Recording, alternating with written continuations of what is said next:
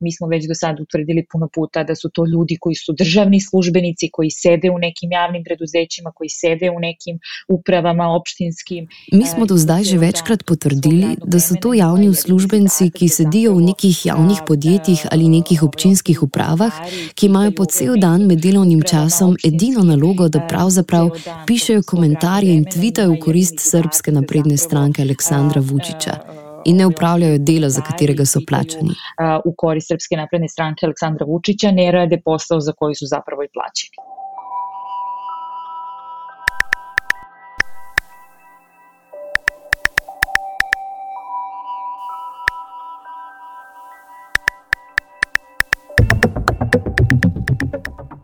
Poslušate pod črto podcast.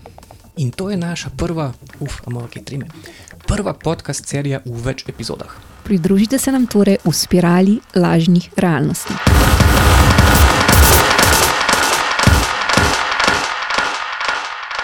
Pozdravljeni v četrti, torej zaključni epizodi podcast serije Lažne realnosti. Z vami sva Lenard Kučič in ta Topolovec. Pozdravljeni. Skupaj smo se skozi tri epizode spuščali po spirali lažnih realnosti. Začeli smo s profili z ukradenimi fotografijami, znašli smo se na sredi Twitter napadov, kjer je lahko napaden vsak, v tretji epizodi pa smo zavili na polsko farmo trolov. Pokazali smo torej, na kakšne načine na Twitterju delujejo lažni profili. V današnji epizodi pa je naše vprašanje, ja, kdo je zdaj na potezi? Z iskanjem odgovora začenjamo v Srbiji. Dakle, najorganizovanija stranka. Uh, ja, skratka, najbolj organizirana stranka, ki se ukvarja z recimo organiziranim botanjem na družbenih omrežjih v Srbiji, je Srpska napredna stranka, ki na omrežjih organizira komentiranje političnih in drugih opcij novinarjev v Srbiji. V Srbiji je Srpska napredna stranka, odnosno vladajuća partija od 2012 do danes. Slišite Vesno Radojevič, novinarko srpskega preiskovalnega medija Krik in pa urednico Razkrikavan, projekta za preverjanje dejstev. Početka. Srpska napredna stranka je vladajoča stranka od 2012 do danes in od samega začetka je pokazala izjemno veliko zanimanje, da zbere svoje članstvo na teh mrežah oziroma na Twitterju. Da se pokaže, da imajo zelo veliko podporo. Ampak vse to je bilo lažno, en velik balon. Tebi pa se zdi, da je to res in da imajo oni veliko podporo ljudi na družbenih omrežjih. Skratka, že od začetka je Aleksandar Vučić razumel moč družbenih omrežij od 2012 do danes. Podjetje Twitter na svojem družabnem omrežju uradno ne dovoljuje ustvarjanja lažnih profilov in pa upravljanja z njimi. Če identificirajo tako delovanje, sporne profile suspendirajo zaradi neautentičnega delovanja. In to se je zgodilo tudi v Srbiji. Do danes je cela ta mreža toliko narasla. In zdaj, do danes je ta mreža tako zrasla, da je podjetje Twitter leta 2020 dobesedno izbrisalo 8500 uporabniških računov. Botov, ki so bili neposredno povezani s srpsko napredno stranko. Torej, to je samo manjši del vsega tistega, kar ima ta stranka. Oni so skratka v tej analizi ugotovili, da so vsi tvitali z enega naslova IP da so vsi uporabljali enako aplikacijo za tvitanje, da so se, na primer, vsi odzvali na en tweet, včasih kakih opozicijskih politikov ali kakih medijev, ali da so retvitali neke prorežimske medije oziroma medije, ki podpirajo vlado Republike Srbije oziroma Srbsko napredno stranko. In na ta način so torej ugotovili, da gre za tipične bot profile. Dakle, oni utvrdili, da je reč o tipičnim bot nalozima. Preiskovalni mediji v Srbiji so razkrili, da pri ustvarjanju lažnih javnosti sodelujejo tudi državni uslužbenci. Novinari Birna, balkanske mreže za preiskovalno novinarstvo, so leta 2020 razkrili, kako je mreža delovala. Za koordinacijo delovanja profilov so uporabljali sistem Castle.rs, ki je bil registriran leta 2017. S pomočjo posameznikov, ki so prek enega izmed šipkih gesel uspeli priti v sistem, so lahko spremljali komunikacijo med upravljavci sistema in upravljavci Twitter in Facebook profilov. No, in če se predstavimo v avgust 2018, se dan začne približno takole. Ura je 7:56 minut zjutraj in uporabnica z imenom Nada Jankovic se je prijavila v sistem Castle iz mesta Negotin, blizu vzhodne srpske meje. Dobro jutro, dežurni, napiše Nada Jankovič. Nekaj minut pozneje se je pridružil uporabnik z imenom Dušan Ilič iz kraja zahodno od Beograda in pozdravil: Dobro jutro vsem. Boti se javljajo na dožnost, vsak se je prijavil v sistem Castle prek svojega osebnega uporabniškega računa.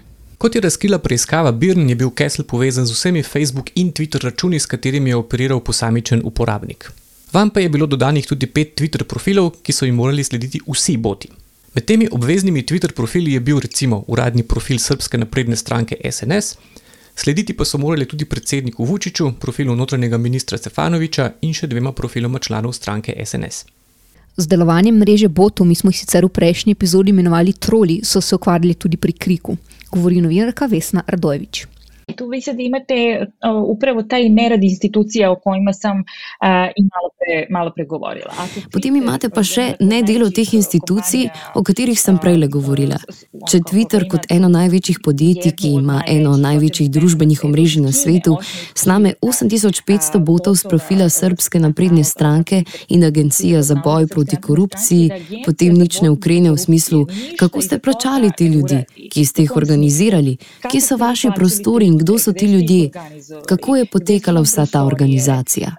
Nobenega od teh odgovorov nimamo po tej zgodbi, kar je popolnoma neverjetno in res pokaže, kako ugrabljena je ta država in institucije, ki so jih postavili v funkcijo obrambe oblastnikov. Tako te zarobljene države in institucije, ki so potpuno stavljene v funkcijo odbrane uh, ljudi, ki so, ki so v vlasti.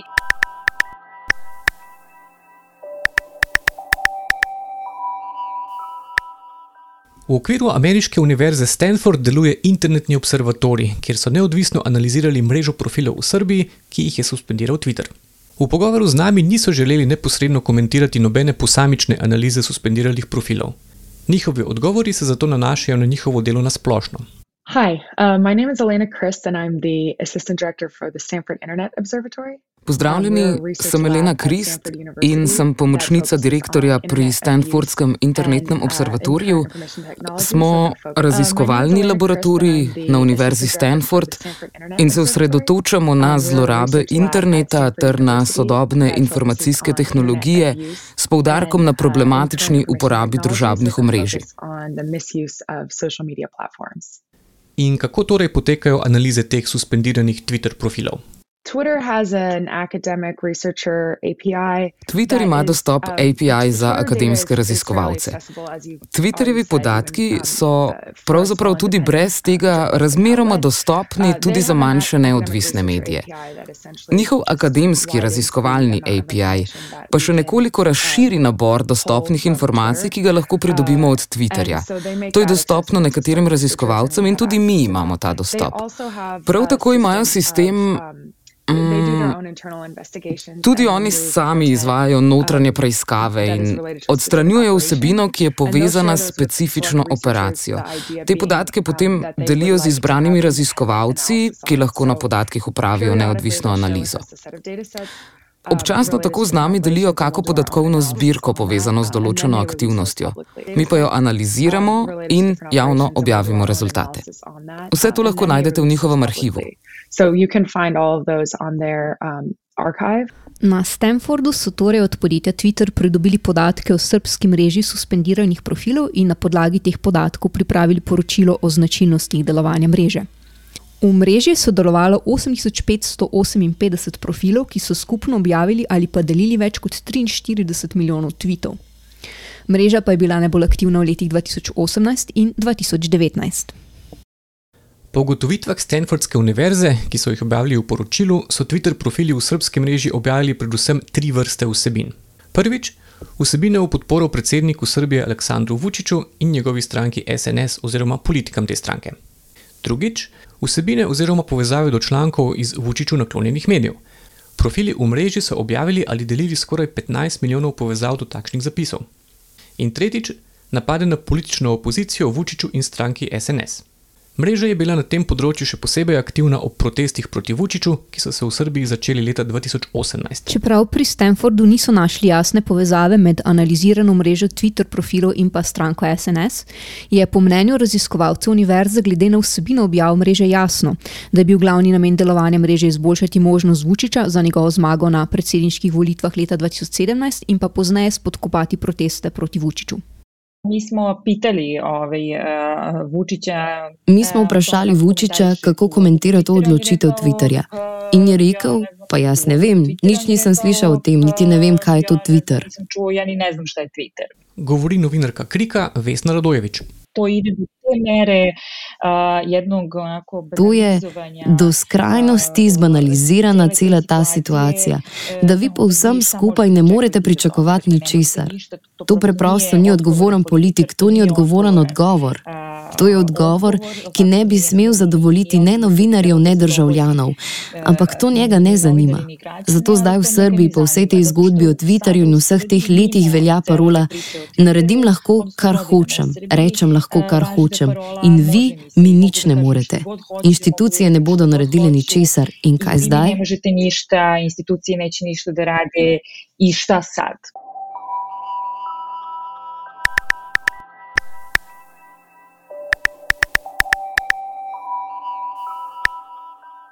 Analiza delovanja srpske mreže Twitter profilov je uporabna tudi za razumevanje mreže slovenskih profilov. Torej, mreže 307 Twitter profilov iz naše analize, ki so objavljali predvsem objave v podporo vladi in stranki SDS. Primerjava delovanja slovenskih profilov s srpsko mrežo dejansko pokaže veliko podobnosti. V prvem koraku smo ugotavljali sledeče. Zanimalo nas je, koliko profilov na Twitterju večinoma objavlja ali deli sporočilo podporo stranki SDS, vladi, politikam te stranke in vlade oziroma napada njene nasprotnike. Izmed 307 analiziranih profilov je bilo takšnih 261 oziroma 85 odstotkov. V drugem koraku smo analizirali, koliko profilov v vzorcu ni bilo mogoče nedvomno povezati z dejanskimi osebami. Takih profilov je bilo v vzorcu 161. Njihove profilne fotografije pa bodi si niso dovolj jasno prikazovale obraz druge osebe ali pa so prikazovale ukradene fotografije drugih oseb.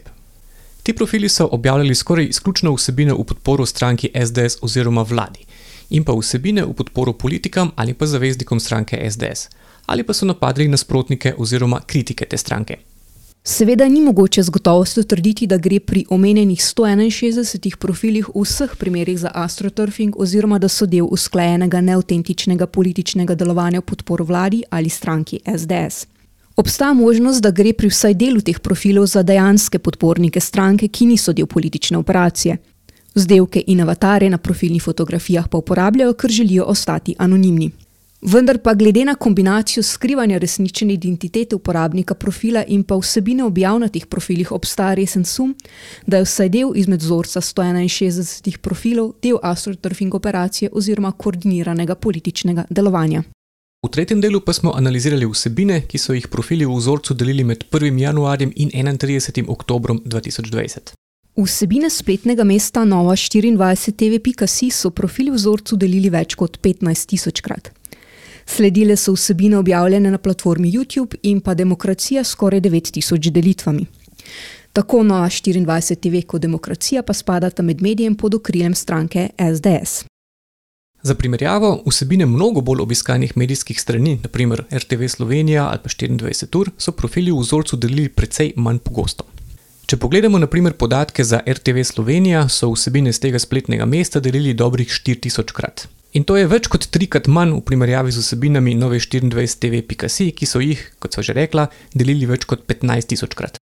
Profili v našem vzorcu so se torej pri deljenju povezav na medije naklonjene vladajoči stranki obnašali zelo podobno kot profili v suspendirani srpski mreži. Podobno pa je tudi obnašanje pri deljenju vsebin drugih avtorjev s svojimi sledilci. Suspendirana srpska mreža je največkrat omenila ali delila oziroma retvitala vsebine treh Twitter profilov in sicer profila vodje največje vladajoče stranke SNS Aleksandra Vučiča, uradnega profila stranke SNS in pa profila medija Informer, ki je naklonjen Vučiču in SNS. Podobno analizo smo naredili tudi na našem vzorcu 307 profilov in rezultati spet kažejo na precejšno podobnost s srpsko mrežo.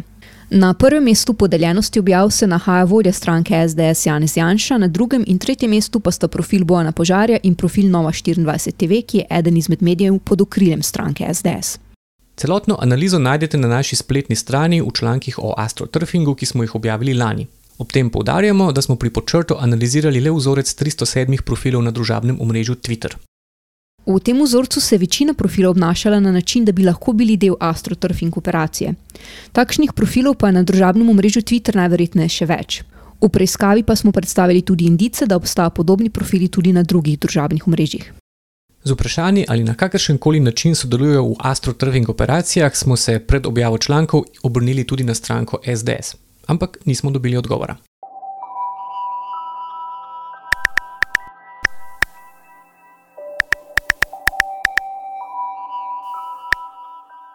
Objava naše preiskave o astroturfingu je lani dobila kar nekaj medijske in javne pozornosti, tako domače kot tudi mednarodne.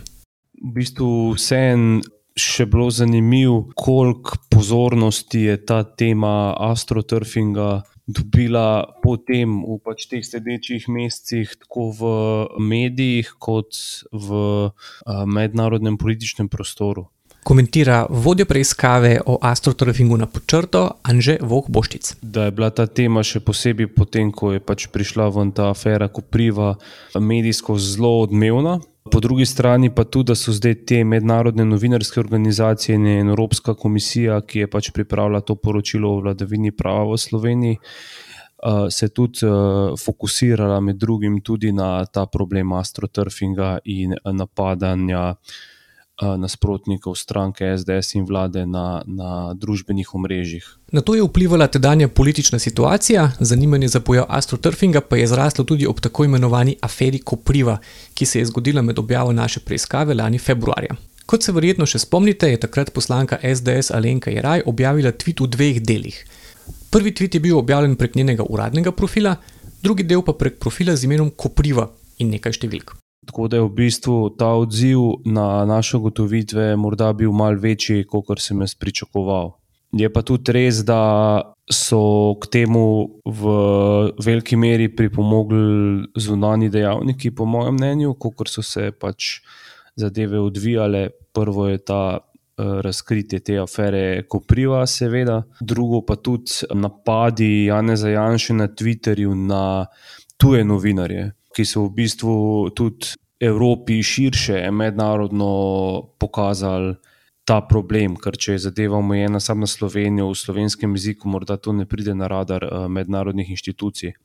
V tem primeru je pa zaradi, mislim, da predvsem obnašanja Janeza Janša na Twitterju tudi to precej odmeval v eh, mednarodnem smislu, in potem je bila ta naša preiskava kot nek nek, uh, neka dobrodošla razlaga tudi za mogoče mednarodno javnost, zakaj se to dogaja in na kak, kakšen način se to dogaja pri nas, ti napadi na Twitterju in astroturfing. Naša preiskava je torej dobila kar nekaj javnega odmeva. Med drugim je Evropska komisija v letnem poročilu o vladavini prava za leto 2021 izpostavila spletne napade na novinarje. Zgodilo pa se je še nekaj. Twitter je suspendiral 12 profilov, za katere smo v preiskavi ugotovili, da uporablja ukradene oziroma strojno generirane fotografije. Zanimivo pri tem takedownu v Sloveniji je morda ta, da, da v bistvu kot Twitter naredi tak takedown, ne, ko recimo naenkrat več profilov um, umakne, ponovadi tudi objavi neko poročilo o tem, medtem ko v bistvu zdaj. Kot vemo, tudi za časa tega snemanja tega podcasta, tega poročila v primeru Slovenije, od Twitterja zaenkrat ni bilo in to je v bistvu zanimivo vprašanje, zakaj ne. V glavnem, ja, zdaj uh, jaz močno upam, da bo v bistvu v nekem času prišlo tudi to poročilo za Slovenijo ven, ki ponovadi potem dejansko pokaže, koliko profilov v Sloveniji je Twitter suspendiral, ker mi govorimo samo o enem ozorcu, ki ga imamo pač mi v, v naših analizah, verjetno je teh profilov več. Tako da, ja, in v bistvu, kar zadeva ta takedown, ker tega poročila od Twitterja ni bilo, v bistvu še trenutno ne vemo, koliko obsežen je bil, in upamo, da bomo pač ta podatek enkrat dobili. Od Twitterja smo poskusili pridobiti informacijo, če bo poročilo za Slovenijo objavljeno in kdaj. Te informacije nismo uspeli pridobiti. V pisni obliki pa so nam poslali splošno izjavo glede njihove politike suspendiranja Twitter profilov. Berejo Aida Sokler.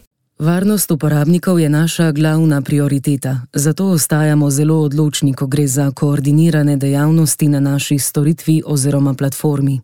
Ti računi so bili suspendirani na podlagi naše politike o manipulacijah platforme in spemu, ki prepoveduje nabor različnih aktivnosti. Vključno s koordiniranimi aktivnostmi, ki poskušajo umetno vplivati na komunikacijo z uporabo več računov, lažnih računov ali avtomatizacijo. Če imamo jasne dokaze za informacijske operacije, za katerimi stojijo državni akteri, potem je naša prva prioriteta, da uveljavimo naša pravila in odstranimo račune, ki sodelujejo pri tej aktivnosti. Ko je naša preiskava zaključena, javno objavimo vse račune in njihove vsebine v našem arhivu informacijskih operacij.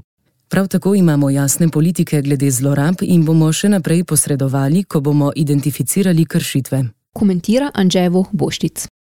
Zdaj, Twitter je to naredil že v več državah, kot kaže, se do neke mere trudi, da bi iz svoje platforme umaknil to koordinirano, neantentično delovanje. Ne. Seveda pa so bili ti profili dejavni še preden je počrtal v njih pisal. Ne, tako da, kot kaže, je bila potrebna neka medijska objava, da se je Twitter tudi tega lotil. Ne. Tako da, verjetno je ta problem neautentičnega političnega delovanja na Twitterju še veliko večji, kot kažejo te sporadične akcije Twitterja, ko pač suspendira te profile osumljene takšnega delovanja, v, v, seveda ne samo v Sloveniji, ampak tudi v drugih državah.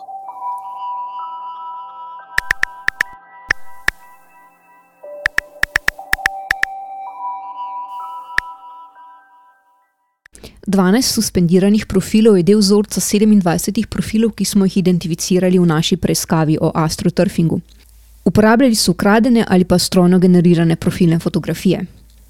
Vendar pa izkušnje naših kolegov iz Srbije kažejo, da sam takedown, torej suspendiranje večjega števila profilov, ki so vključeni v koordinirane aktivnosti, ni dovolj. Torej, to je bil samo majhen del. In po mojem občutku se je kmalo po tem brisanju cela mreža znova vzpostavila in vse je bilo isto kot prej, jovo na novo. Govori novinarka Krika Vesna Radojevič. Ali sećate se, to je bilo ona cela priča o... To je bila tema cele zgodbe o političnem botanju na Twitterju in oni so potem pokazali, kako se zauzemajo, da ne bi bilo laži, da ne bi bilo lažnih novic na Twitterju. In vse to se je zgodilo zaradi ameriških volitev. Tako da v tem smislu se mi zdi cela ta njihova kampanja malo licemerna, saj se, kot pravim, v Srbiji ni nič spremenilo. Ti boti so se normalno vrnili z nekimi novimi profili in danes je spet vse isto. Pri spremljanju delovanja profilov podobno ugotavlja tudi naša sogovornica iz prve epizode. Uporabnica profila objavi iz kleti.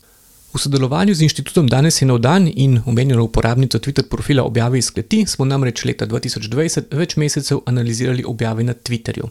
Naša sogovornica je identificirala Twitter profile z ukradenimi fotografijami, med drugimi tudi profil Boštjana Šeruge, ki je uporabljal fotografije američana Fletcherja Barnesa. Zaradi zagotavljanja njene anonimnosti na podlagi zapisov naših pogovorov njene besede interpretira igralka Maruša Majer. Že kar nekaj profilov, ki so bili takrat na začetku, očitno uh, ni, vsaj teh očitno fake, bom rekla. Nič preveč pozitivnega. Mislim, da se tu z moje strani pozna resignacija, ker se nič ne spremenja, zadeve so še vedno iste. Vse ta splošna klima, ki je v družbi, se mi zdi, da se tudi na tem profilu pozna, vedno manj objavlja, že nimam nekih pozitivnih občutkov, ne vem, kaj naj rečem. Je kar malo pač, eh, malo sem obupala skoraj na celo situacijo, ker se mi zdi, da se ni zelo, zelo dosti spremenilo.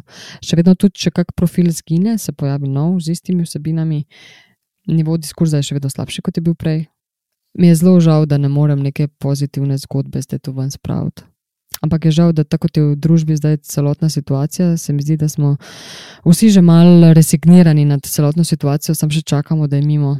Med suspendiranimi Twitter profili je bil tudi profil Boštjana Šeruge, ki uporablja ukradene fotografije Fletchera Barnesa, torej američana, ki smo ga spoznali v prvi epizodi naše podcast serije. Ne, zadnje čase nisem več zasledil nobene čudne aktivnosti, držim pesti, da v Sloveniji ni še kakega zlobnega dvojčka ali v kakšni sosednji državi, recimo na Mačarskem, da bi me poskušal podvojiti. Odstranjen pa je bil tudi profil Boštjana Šeruga na Facebooku, ki je prav tako uporabljal ukradene fotografije Fletchera Barnesa. Z inštituta danes in dan so namreč kontaktirali vse posameznice in posameznike, katerih ukradene fotografije so uporabljali profili, ki smo jih našli v naši analizi. Svetovali so jim, naj to prijavijo državnim omrežjem, kjer so bili ustvarjeni profili z njihovimi ukradenimi fotografijami. Twitter je suspendiral tudi pet izmed šestih profilov, za katere smo ugotovili, da obstaja velika verjetnost, da uporabljajo strojno generirane profilne fotografije. Tudi ti profili so objavljali zapise v podporo vladi oziroma stranki SDS.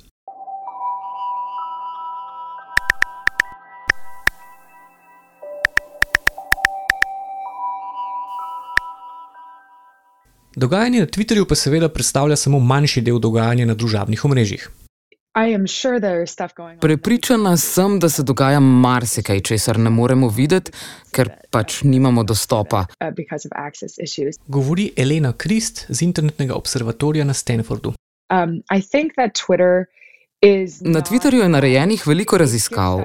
Toda mislim, da Twitter ni tako vpliven, sej po svetu ni v vse splošni rabi. Celo v ZDA vidimo, da Twitter zelo veliko uporabljajo politiki in novinari. In tam se odvija veliko javne debate. Toda večina uporabnikov, ki uporablja družabna omrežja za svoje dejavnosti, ni na tej platformi. Veliko bolj verjetno so na Facebooku ali Instagramu.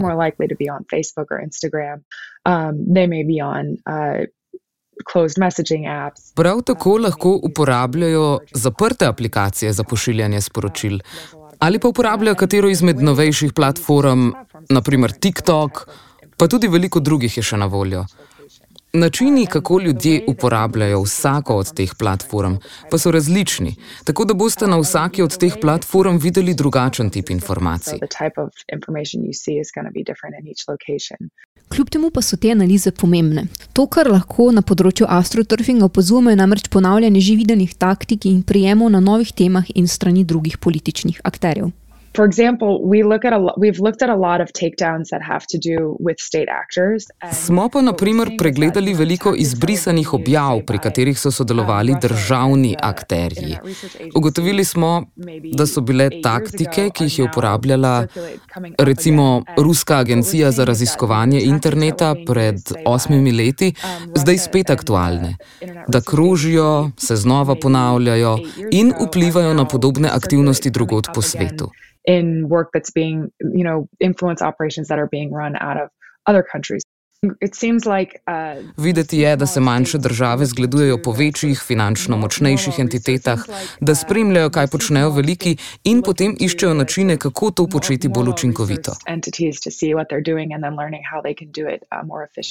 Ob tem pa po ugotovitvah Stanfordskega internetnega observatorija veliki igravci niso edini, na katere bi morali biti pozorni. Um, I mean, I think that what we're already seeing is that, you know, it's Mislim pa, in to že lahko vidimo, da je sicer fino, da se pogovarjamo o velikih igravcih, naprimer o državnih akterjih in marketinških agencijah, ki da so glavni izvajalci kampanj za manipulacijo z informacijami in vplivanje na javno mnenje, ker je na te igravce lažje pokazati in jim pripisati določeno operacijo.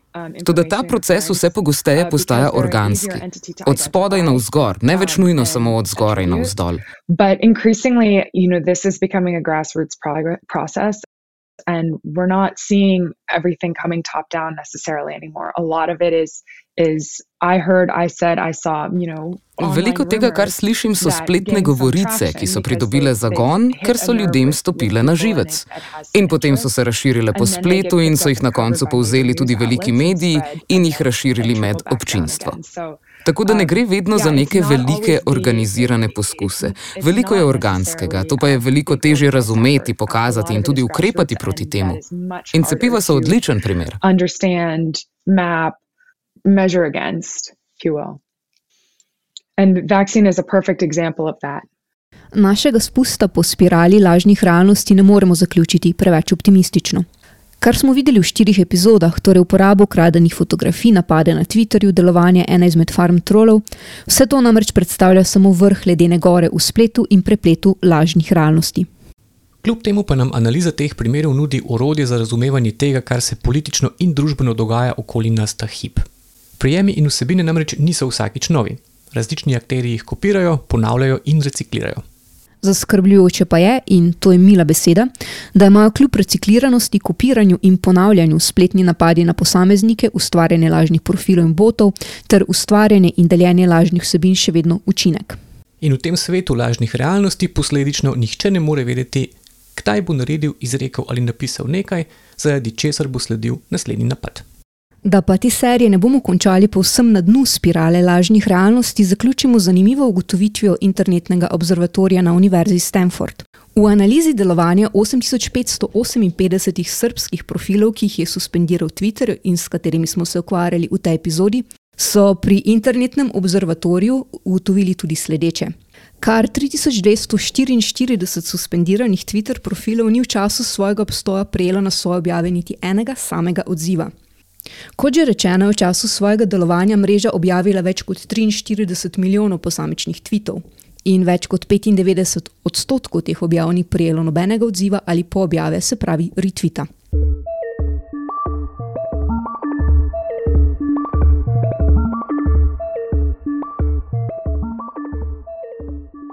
Podcast oziroma serijo podkastov sva vodila Taja Topolovec in Nenad Kučič. Glasove so v tej epizodi prispevali Špela Setničar za Vesno Radojevič, Pija Nikolic za Elino Krist, Aida Sokler za uradno izjavo Twitterja, Lawrence Rogel za Fletchera Barnesa in Maruša Majer za uporabnico objave iz kleti. Scenarij za epizodo je pripravila Taja Topolovec, Intervjuje sva pripravila in posnela Lenard Kučič in Taja Topolovec. Za prevode sta poskrbela Lenard Kučič in Nina Hlebec, za snemanje in montažo Lenard Kučič, za glasbo in zvokovno obdelavo pa Milan Fras. Izvršna producentka podcasta in serije je bila Taja Topolovec. Celotna podcast serija temelji na preiskavi o astroturfingu na počrto, avtor člankov je Anžej Vogboščic. Podatke smo zajeli in analizirali pri danes in dan in počrto. Za vizualije in fotografije je poskrbel metod Plejec, za animacijo pa Una Ribič. Za sodelovanje pri nastanku podcast serije Lažne realnosti se zahvaljujemo počrtu ekipi in sicer Nini Hlebec, Ani Gabrovec, metodu Blejcu, Uni Rebič in Milanu Frasu in avtorju počrtu preiskave o astroturfingu Anžetu Voh Bošticu. In pa seveda vsem glasovom, ki ste jih v tej seriji slišali prvič, torej ekipi Radio Student, vsem, ki ste našim sogovornikom posodili glasove, pa tonskemu mojstru Samu Pavlici Linču in pa Žigi Rusu za organiziranje in vodenje snemanja. Pa tudi seveda ekipi Danes je nov dan, igravki Maruši Majer, uporabnici profila objave iz kleti in pa vsem našim sogovornicam in sogovornikom. Ter nikakor ne nazadnje Susan Rieber, ki je z nami delila svoje izkušnje in nasvete na področju produkcije preiskovalnega podcasta. Thank you, Susan. Priprava podcast serije seveda ne bi bila mogoča brez podpore vseh vas, ki z donacijo podpirate pod črto. Nastanek podcast serije pa so podprli tudi pri mreži evropskih fundacij, pri inicijativi Civitates in pri veleposlaništvu ZDA v Sloveniji v okviru programa NGO Small Grants. Ta celotna podcast serija pa je nastajala med januarjem 2021 in februarjem 2022, torej več kot eno leto. Če nas želite podpreti pri pripravi naslednjih podcast epizod, nas lahko podprete z donacijo na počrtu.si pošiljka podpri. Hvala. Ampak ta je vsem, da moram vprašati še nekaj, kar česar ni v scenariju. In sicer, ali si kdaj pričakovala, da bo naša odjavna špica dolga tri minute? Če pomislim, koliko krat smo narisali pripovedni lok te serije, se mi zdi, da tega nismo dali v načrt. Hvala še enkrat vsem, ki ste sodelovali in vsem, ki ste poslušali. In se slišimo v naslednjih podcasterskih podvigih.